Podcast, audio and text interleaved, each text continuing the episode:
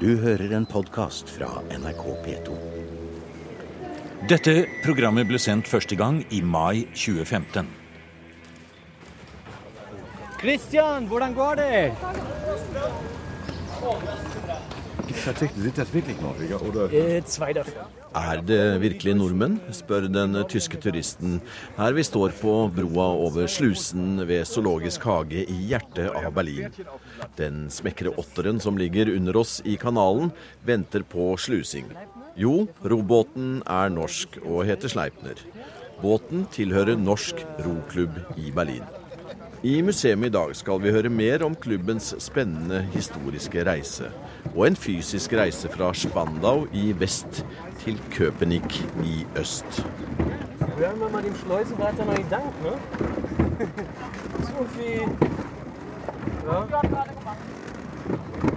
Men først skal vi til en leilighet på Skøyen. Herfra er det utsikt opp i Holmenkollbakken og Midtstua, og i denne leiligheten holder stiftelsen Norsk Roklubb i Berlin hus. Det er Gry Dahl som nå leder denne stiftelsen.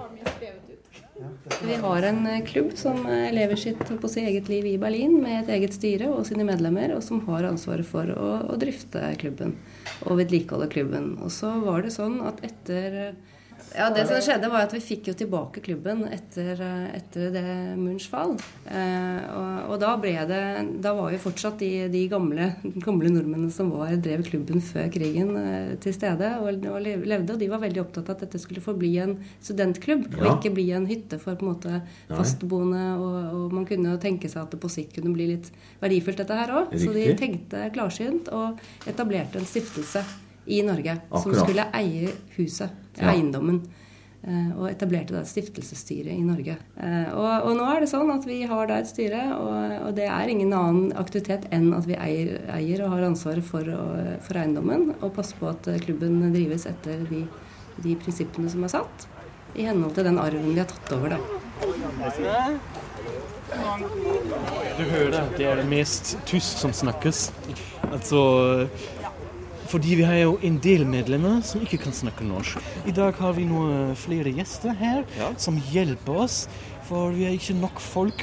Norsktalende folk som sitter i båten, og for slik at alle kommer til å forstå, Nei. så må vi jo snakke tysk. Stefan Gamelin er historiker og skandinavist knyttet til Humboldt-universitetet i Berlin. Han er medlem i eh, klubben og også styremedlem, og nå skal han være museumsguide med elsykkel langs kanalene der Sleipner skal ros. Før han selv skal ro andre etappe. Så dere kjemper med å holde den norske eh, andelen medlemmer eh, ved like? Ja, det må vi bli bedre på. Ja. Men en fantastisk eh, dag. Fortell hvor vi er nå. Vi er i Spandau. äh, Heerstraße, Støsensee nærmere äh, bestemt, heter det her. Og det er vår vennskapsklubb. Ruderverein Berlin, RVB. Og det er sol. Det kan ikke bli bedre. Det er helt flott og stille på vannet, og nå jobber mannskapet med alle sine bæres utstyr på plass nede i denne flotte, idylliske havna her. Ja, altså det startet eh, jo med at studentene, det var mye studenter i Berlin på den tiden. Ingeniører, arkitekter. Eh, og det som de eh, gjorde der nede, var å delta i en gymnastikkforening, turnforening, som var skandinavisk. Etter at Norge ble selvstendig i 1905, så syntes det ikke noe om å være sammen med svenskene, så de ville gjerne ha en egen klubb. Eh, Og de kjøpte en robåt og begynte å ro eh, i Berlin. Tore Leite har vært leder i stiftelsesstyret i mange år. Han er statsviter og arbeider i Kommunal- og moderniseringsdepartementet, og har bodd mange år i Berlin. Og Leite er en av den som kan historien til den norske roklubben godt. Eh, Og etter hvert så ønsket de også å få seg et eget klubbhus. Det klubbhuset det ble det jobbet mye med, og det var da en eh, Først måtte man kjøpe en tomt, eh, og det fikk man til. Og man klarte også å skrape sammen eh, penger til å få bygget et, en enkel hytte. Og så laget man en arkitektkonkurranse for å få et hus som passet godt til en norsk roklubb. Og det var da Christian Munthe Morgenstjerne som vant den arkitektkonkurransen. Og juryens formann var Arne Eide. Og de ble jo også kollegaer og jobbet sammen og tegnet mye i Oslo etterpå. Men det startet altså også i Berlin. I 1910 ca. så sto huset ferdig. Og da begynte klubblivet der nede. Kona til eh, Tore Leite, Daniela Bychten, er også roklubbmedlem og lærte seg norsk der.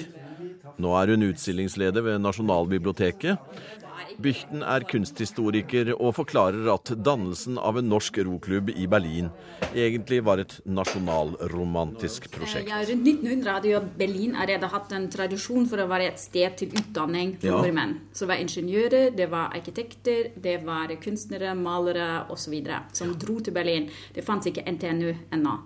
Så det betyr at det var et stort norsk studentmiljø som hadde behov for å treffes. Og de hadde først eh, en forening forening som het Nora. Så turnet de da med danske og svenskene sammen i ja. den uh, nevnte um, gymnastikkforening. Og så kom den norske roklubben, for de ville ikke være lenge sammen med svenskene. Det var et nasjonalromantisk prosjekt fra begynnelsen av. De var viktig, det var viktig å ha norske symboler. Mm. Det var viktig å demonstrere at man holdt på med norsk friluftsliv, akkurat som Nansen. De var inspirert av tysk levensreform, livsreformbevegelsen. De skulle ut i luften, de skulle bade, de skulle sole seg. Skulle være en sunn sjel i en sunn kropp. Ja. Så, så det, det, er på en måte starten for, for det hele, altså.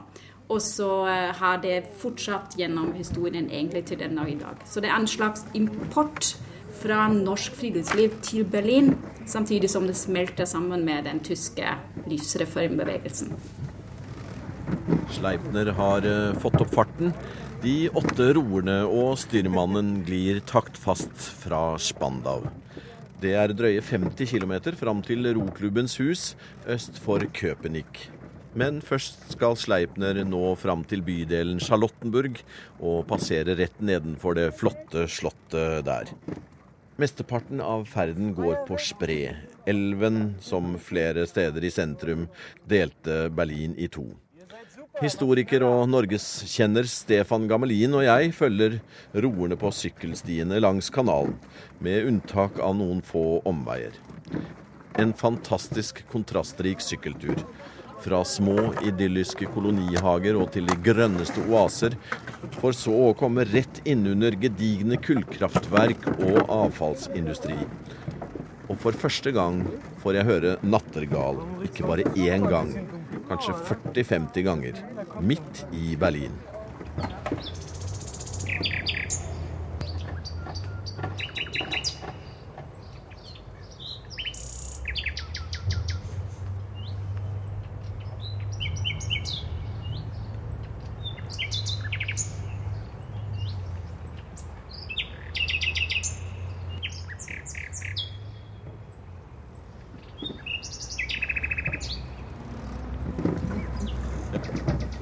Schluck Cappuccino.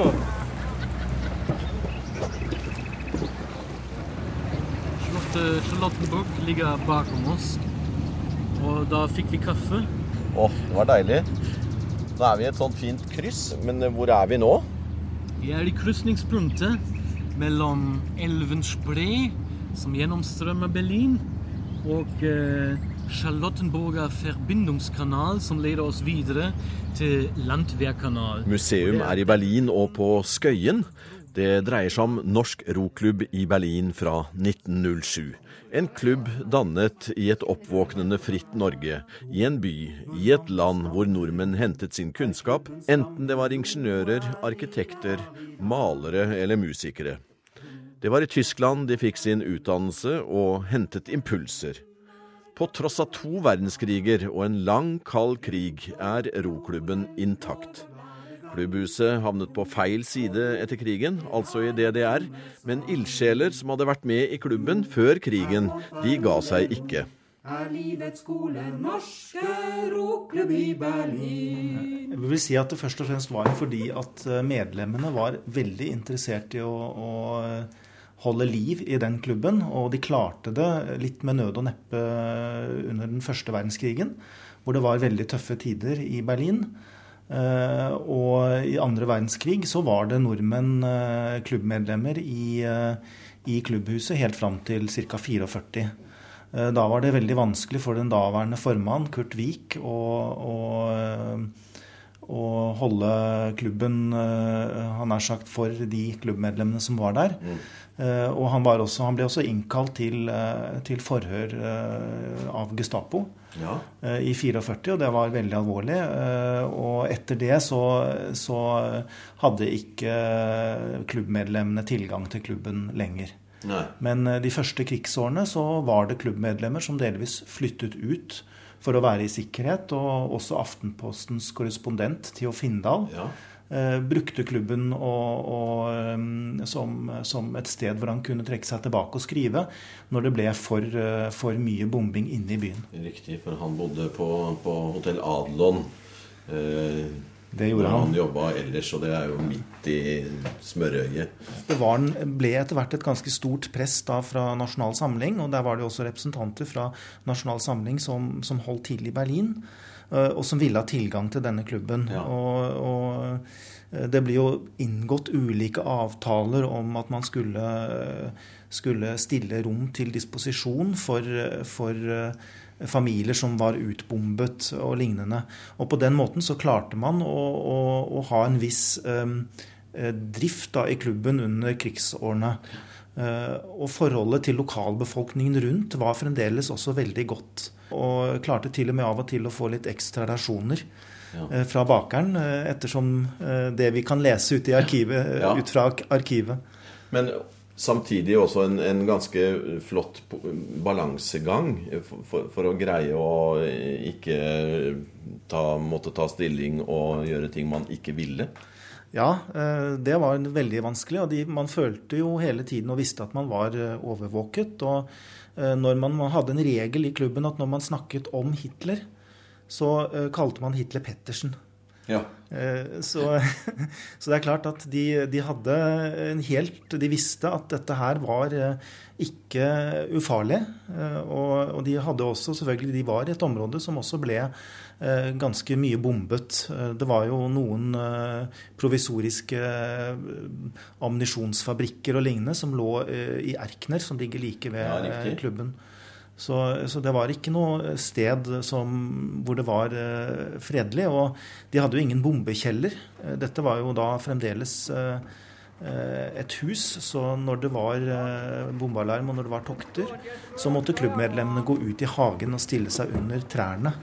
Eh, piletrærne for da å unngå å få glister og sånn på seg. Klubbhuset som eh, Tore Leite her omtaler, er det andre i roklubbens historie. Det første, fra 1910, var for dårlig fundamentert og fikk alvorlige setningsskader og måtte rives. Arkitekt Maja Melandsø fra Trondheim tegnet det nye klubbhuset, og det sto ferdig i 1937. Og det er identisk med dagens klubbhus. Nå passerer Sleipner sentrum i Berlin, og mannskapet kan se Neue Nasjonalgalleri og Berlinerfilharmonien på babord side.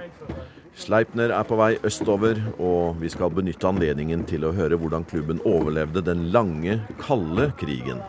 Jeg minnes en gang vi sto og malte da vi hadde nettopp hadde tatt over huset. Så kom det faktisk et eldre ektepar forbi og spurte Sima var det ikke her det var nordmenn en gang i tiden. Ja. Og så sa jeg jo, det er vi faktisk nå igjen. Nå har vi fått over. Og da ble de veldig glad, så det var veldig hyggelig å se. Det var noen som bodde der, som, eh, som bodde der også hele det der tiden. Mm.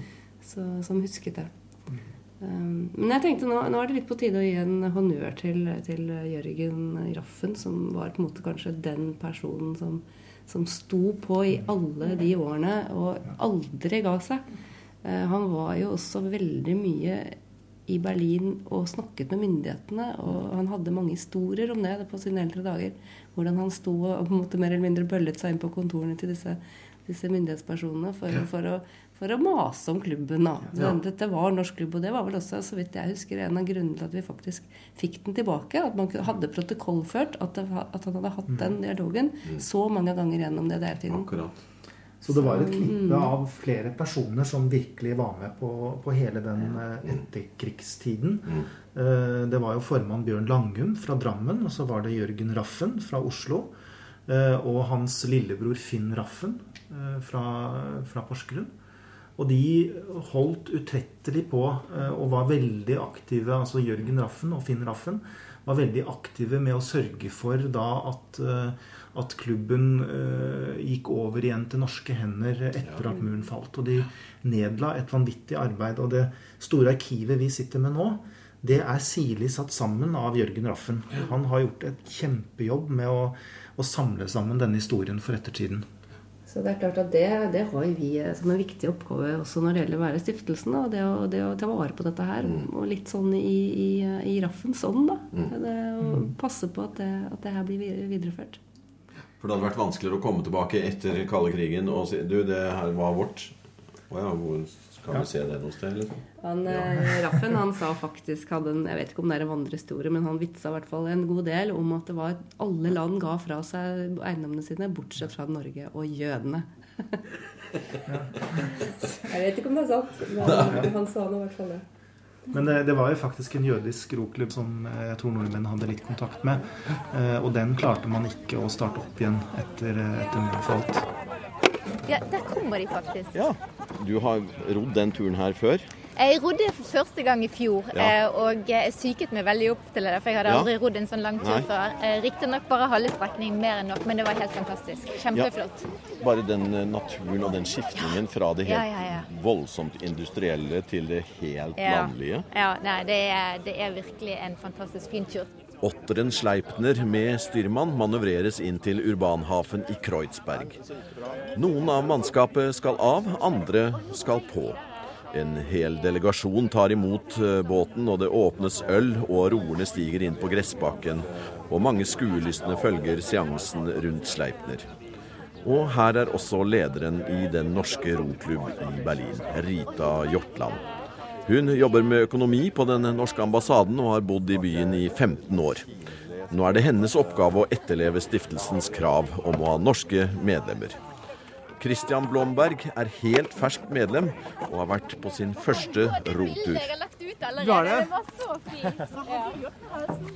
Kan du bare kort si litt om opplevelsene dine underveis? Nå har du fått sett på noe av alt det flotte Jo, og varierte. Eh, jeg vil si I starten så ble det veldig mye å sitte og se på åra mi. Eh, jeg fikk jo ikke med meg så mye av naturen de første kvarter 20 minuttene. Men etter det så begynner man liksom å komme litt inn i rytmen og skjønne hvordan det, foregår. Og da, da får man det med seg litt. Da løfta eh, du blikket. Løfter blikket litt. Og det er ja, som du sier, veldig variert. Altså fra gamle nedlagte fra fabrikkbygninger til bare helt grønne tunneler av trær. Eh, fin tur. Fantastisk. Ida, hva skal vi gjøre? Vi skal lage en Instagram-konto for roklubben. ja, supert. Det snakket vi jo om at vi skulle gjøre. Ja, fordi hvis vi legger ut bilder der, så i tillegg til på Facebook, så får vi mye mer eh, oppmerksomhet blant folk i, i byen her og sånn. Kan bare legge ut masse tags og sånn, og så finner folk oss. Ja. Men det kan du jo få som oppgave, da. Det gjør jeg gjerne. Ja. Du, Nå har du fått et nytt medlem, og som nå Ja. begynner å foreslå ting og utvikle klubben videre. Det må være flott for en, Du- en, en leder. av- Det er veldig, veldig veldig veldig kjekt, faktisk. Christian, Ja. ble oppmerksom på oss fra Facebook. Det var sånn jeg fant dere. Så, og jeg tror for mange flere kan finne oss på den måten, så um, skal vi jo være litt mer aktive. Ja, sant? Mm. Mange som ikke vet hvor mye vann som er rundt om Berlin. Alle innsjøene og kanalene. Eh, Og det er jo bare helt utrolig, for det er en litt sånn aha-opplevelse, spesielt når man kommer utover da til roklubben. Noen ganger så kan jeg eh, føle meg litt som en sånn gallionsfigur som, eh, fordi at jeg er formann og fordi at jeg er norsk. Fordi at de fleste, er, de fleste medlemmene er tyske. Eh, men det er en, en stor andel av de som snakker eh, litt norsk. Jeg kunne ønske de kunne snakke litt bedre. Jeg pusher litt på det, men, eh, men selvfølgelig alle er velkommen. Men det som jeg sier, hvis du er ute etter bare ro, så finnes det over 100 roklubber i Berlin. Ja. Det som jeg mener, det, det som er hovedgreia med vår roklubb, det er denne norske historien. Syns jeg. Ja. Hvordan eh, annekterer tyskerne den historien? Ser de på det noe særlig? Um, jeg vet ikke om de, at de er så veldig opptatt av historien til roklubben. Jeg har ikke følelsen av det. De tyskerne som er interessert i oss, det er mer fordi at de liker Norge og å snakke norsk, og de har vært på ferie i Norge og, og sånne ting, da. Liker den norske mentaliteten. Ja. Jeg er, litt, jeg er litt streng på det der med at man skal ha, man skal ha en tilknytning, og man skal hovedsakelig handle det om det norske. Selvfølgelig er det en god klubb, men det må være en god kombinasjon. F.eks. her når man sitter i en båt, og så har vi alltid ønsket at vi kunne ha rokommandoer på norsk. Så langt er vi ikke kommet ennå. Det blir på tysk. Ja. Da er det rett før avgang, retning Köpenick. Og en ny norsk roer tar plass helt foran i Sleipner. Han har vært ambassaderåd i Berlin og setter stor pris på medlemskapet i klubben, selv om han nå arbeider i Oslo. Jeg skal ikke skryte på meg at jeg har rodd veldig mye mens jeg var her. Nei. Så det har jo vært veldig mye det sosiale, da. Ja. Det må jeg jo Jo, jo. Det har jeg skjønt. Men det er et samlingspunkt. og Roklubben, særlig under Ritas ledelse nå, så har den faktisk ja, fått en del oppgaver som har med det norske miljøet å gjøre. Ja. Vi har uh, julegrantenning på Pariserplats. Ja. Eh, Der er roklubben med, ja. Der er roklubben med nå. Det er ganske nytt. Og så har vi 17. mai-feiring, da. Ja. Hvor roklubben også nå er med. Ja. Har fått en del sånn Så det er en ganske viktig del av det norske miljøet blitt etter hvert. Og det har jo vært eh, turbulente tider. To verdenskriger. Ja, DDR-tiden hvor man da lå nede, og så at man har fått den tilbake igjen. Nei, det er fantastisk. Det er, det er ikke mange som vet om det, dessverre. Men det er eh, ja, utrolig. So. Die Blätter mal aufs Wasser. Ich hätte was zu sagen, meine Damen und Herren. Guten Tag, meine Damen und Herren. Ich bin Ihr Steuermann für die nächsten Kilometer und ich hoffe auf eine gemütliche, leistungsstarke, sportliche Fahrt, damit wir alle Wellen überwinden, die uns im Wege sind. Und in diesem Sinne, Ausgangsstellung. Und, oh! Hei, hei, Captain! Ja, nå kjører vi inn den siste, siste lille biten. Det er lørdagskveld, og i hytta som ligger helt tett inntil her nå, under den flotte løvskauen og den vakre fuglesangen, så Nabo av roklubben, Martin Jankowski, har fraktet meg og Sabrina Solokova i en meget enkel farkost over Berlins største innsjø, Myggelsee. Og vi er nå straks framme ved klubbhuset, og Sleipner ligger rett foran oss og manøvrerer inn de siste trange passasjene. Nei, det er enestående fint her, altså. Det er så flott.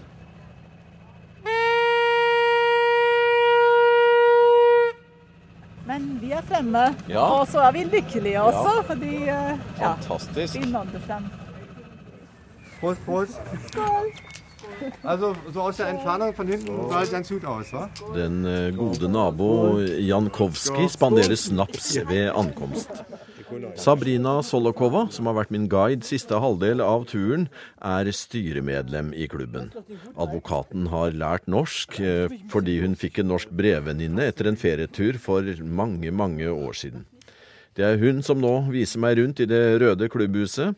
Her er det båthus, to stykken, en fin veranda, kjøkken, stue, en stor hage, og klubbhuset ligger i et område som kalles Lille Venedig. Et aldeles idyllisk kolonihusområde med kanaler i alle retninger. Og en lørdagskveld er det grillduft overalt. Ja. Annen etasje, som vi sier i Norge. I Norge, ja. ok. Tyskland sier man først. Ja. Så her ser vi uh, inn i et uh, av rommene våre. Ja. Her kan man overnatte. Ja. Rommene er like, litt ulike. Innredet. Og her kan du også Oi, her er ha en fin utsikt. Det er suitene her som ligger her. Over havneanlegget og de andre som ja. bryr seg om båten. ja. Vi holder på fortsatt, ja. ja. Den må vel Skal den inn nå? Mm -hmm. Den skal inn i båtshuset. Du, Det har vært en fantastisk eh, reise gjennom Berlin. Mm -hmm. Og så har jeg fått være om bord i båt, jeg også, da. I forskjellige typer båt. Hva er de plakatene der? Det er um, et plakat som viser en hendelse som Det var, det var en um, elvefart, en tur de, ja. de gjorde herfra. Eh, I kano, som du ser. Ja, jeg ser det. Det var ikke brukt som roklubb, faktisk. Nei, for det var, Det var en eh, kano. jernbanens eh, roklubb eller et eller annet Kano, sånt. Kanoforbund. Ja. ja. er Deutschen Demokratischen Republik, de, de ser, som vi ser det. Der ser jeg det. Ja. Ja. Deutscher Kanu-Sportverband der Deutschen Demokratischen Republik. ja. Ja. Og de som, som, eh, som brukte båthuset her Er morsomt at, det- at det er litt DDR-historie igjen. Men nå sitter eierne i Oslo i stiftelsen Riktig. og forvalter stedet. Ja, og uh, forsøker å holde oppsikt på alt som skjer her. Er klubbens ramme ro, er livet av i dag. Ro til frem på ferden, ro deg gjennom verden under gamle Norges flagg. Rundt på kloden går vår glade gang. Ro og ro, det er den samme sang. Ro er vår parole, ro er livets skole, norske roklubb i Berlin. Du har hørt en podkast fra NRK P2. Send gjerne en e-post til museum krøllalfa nrk.no.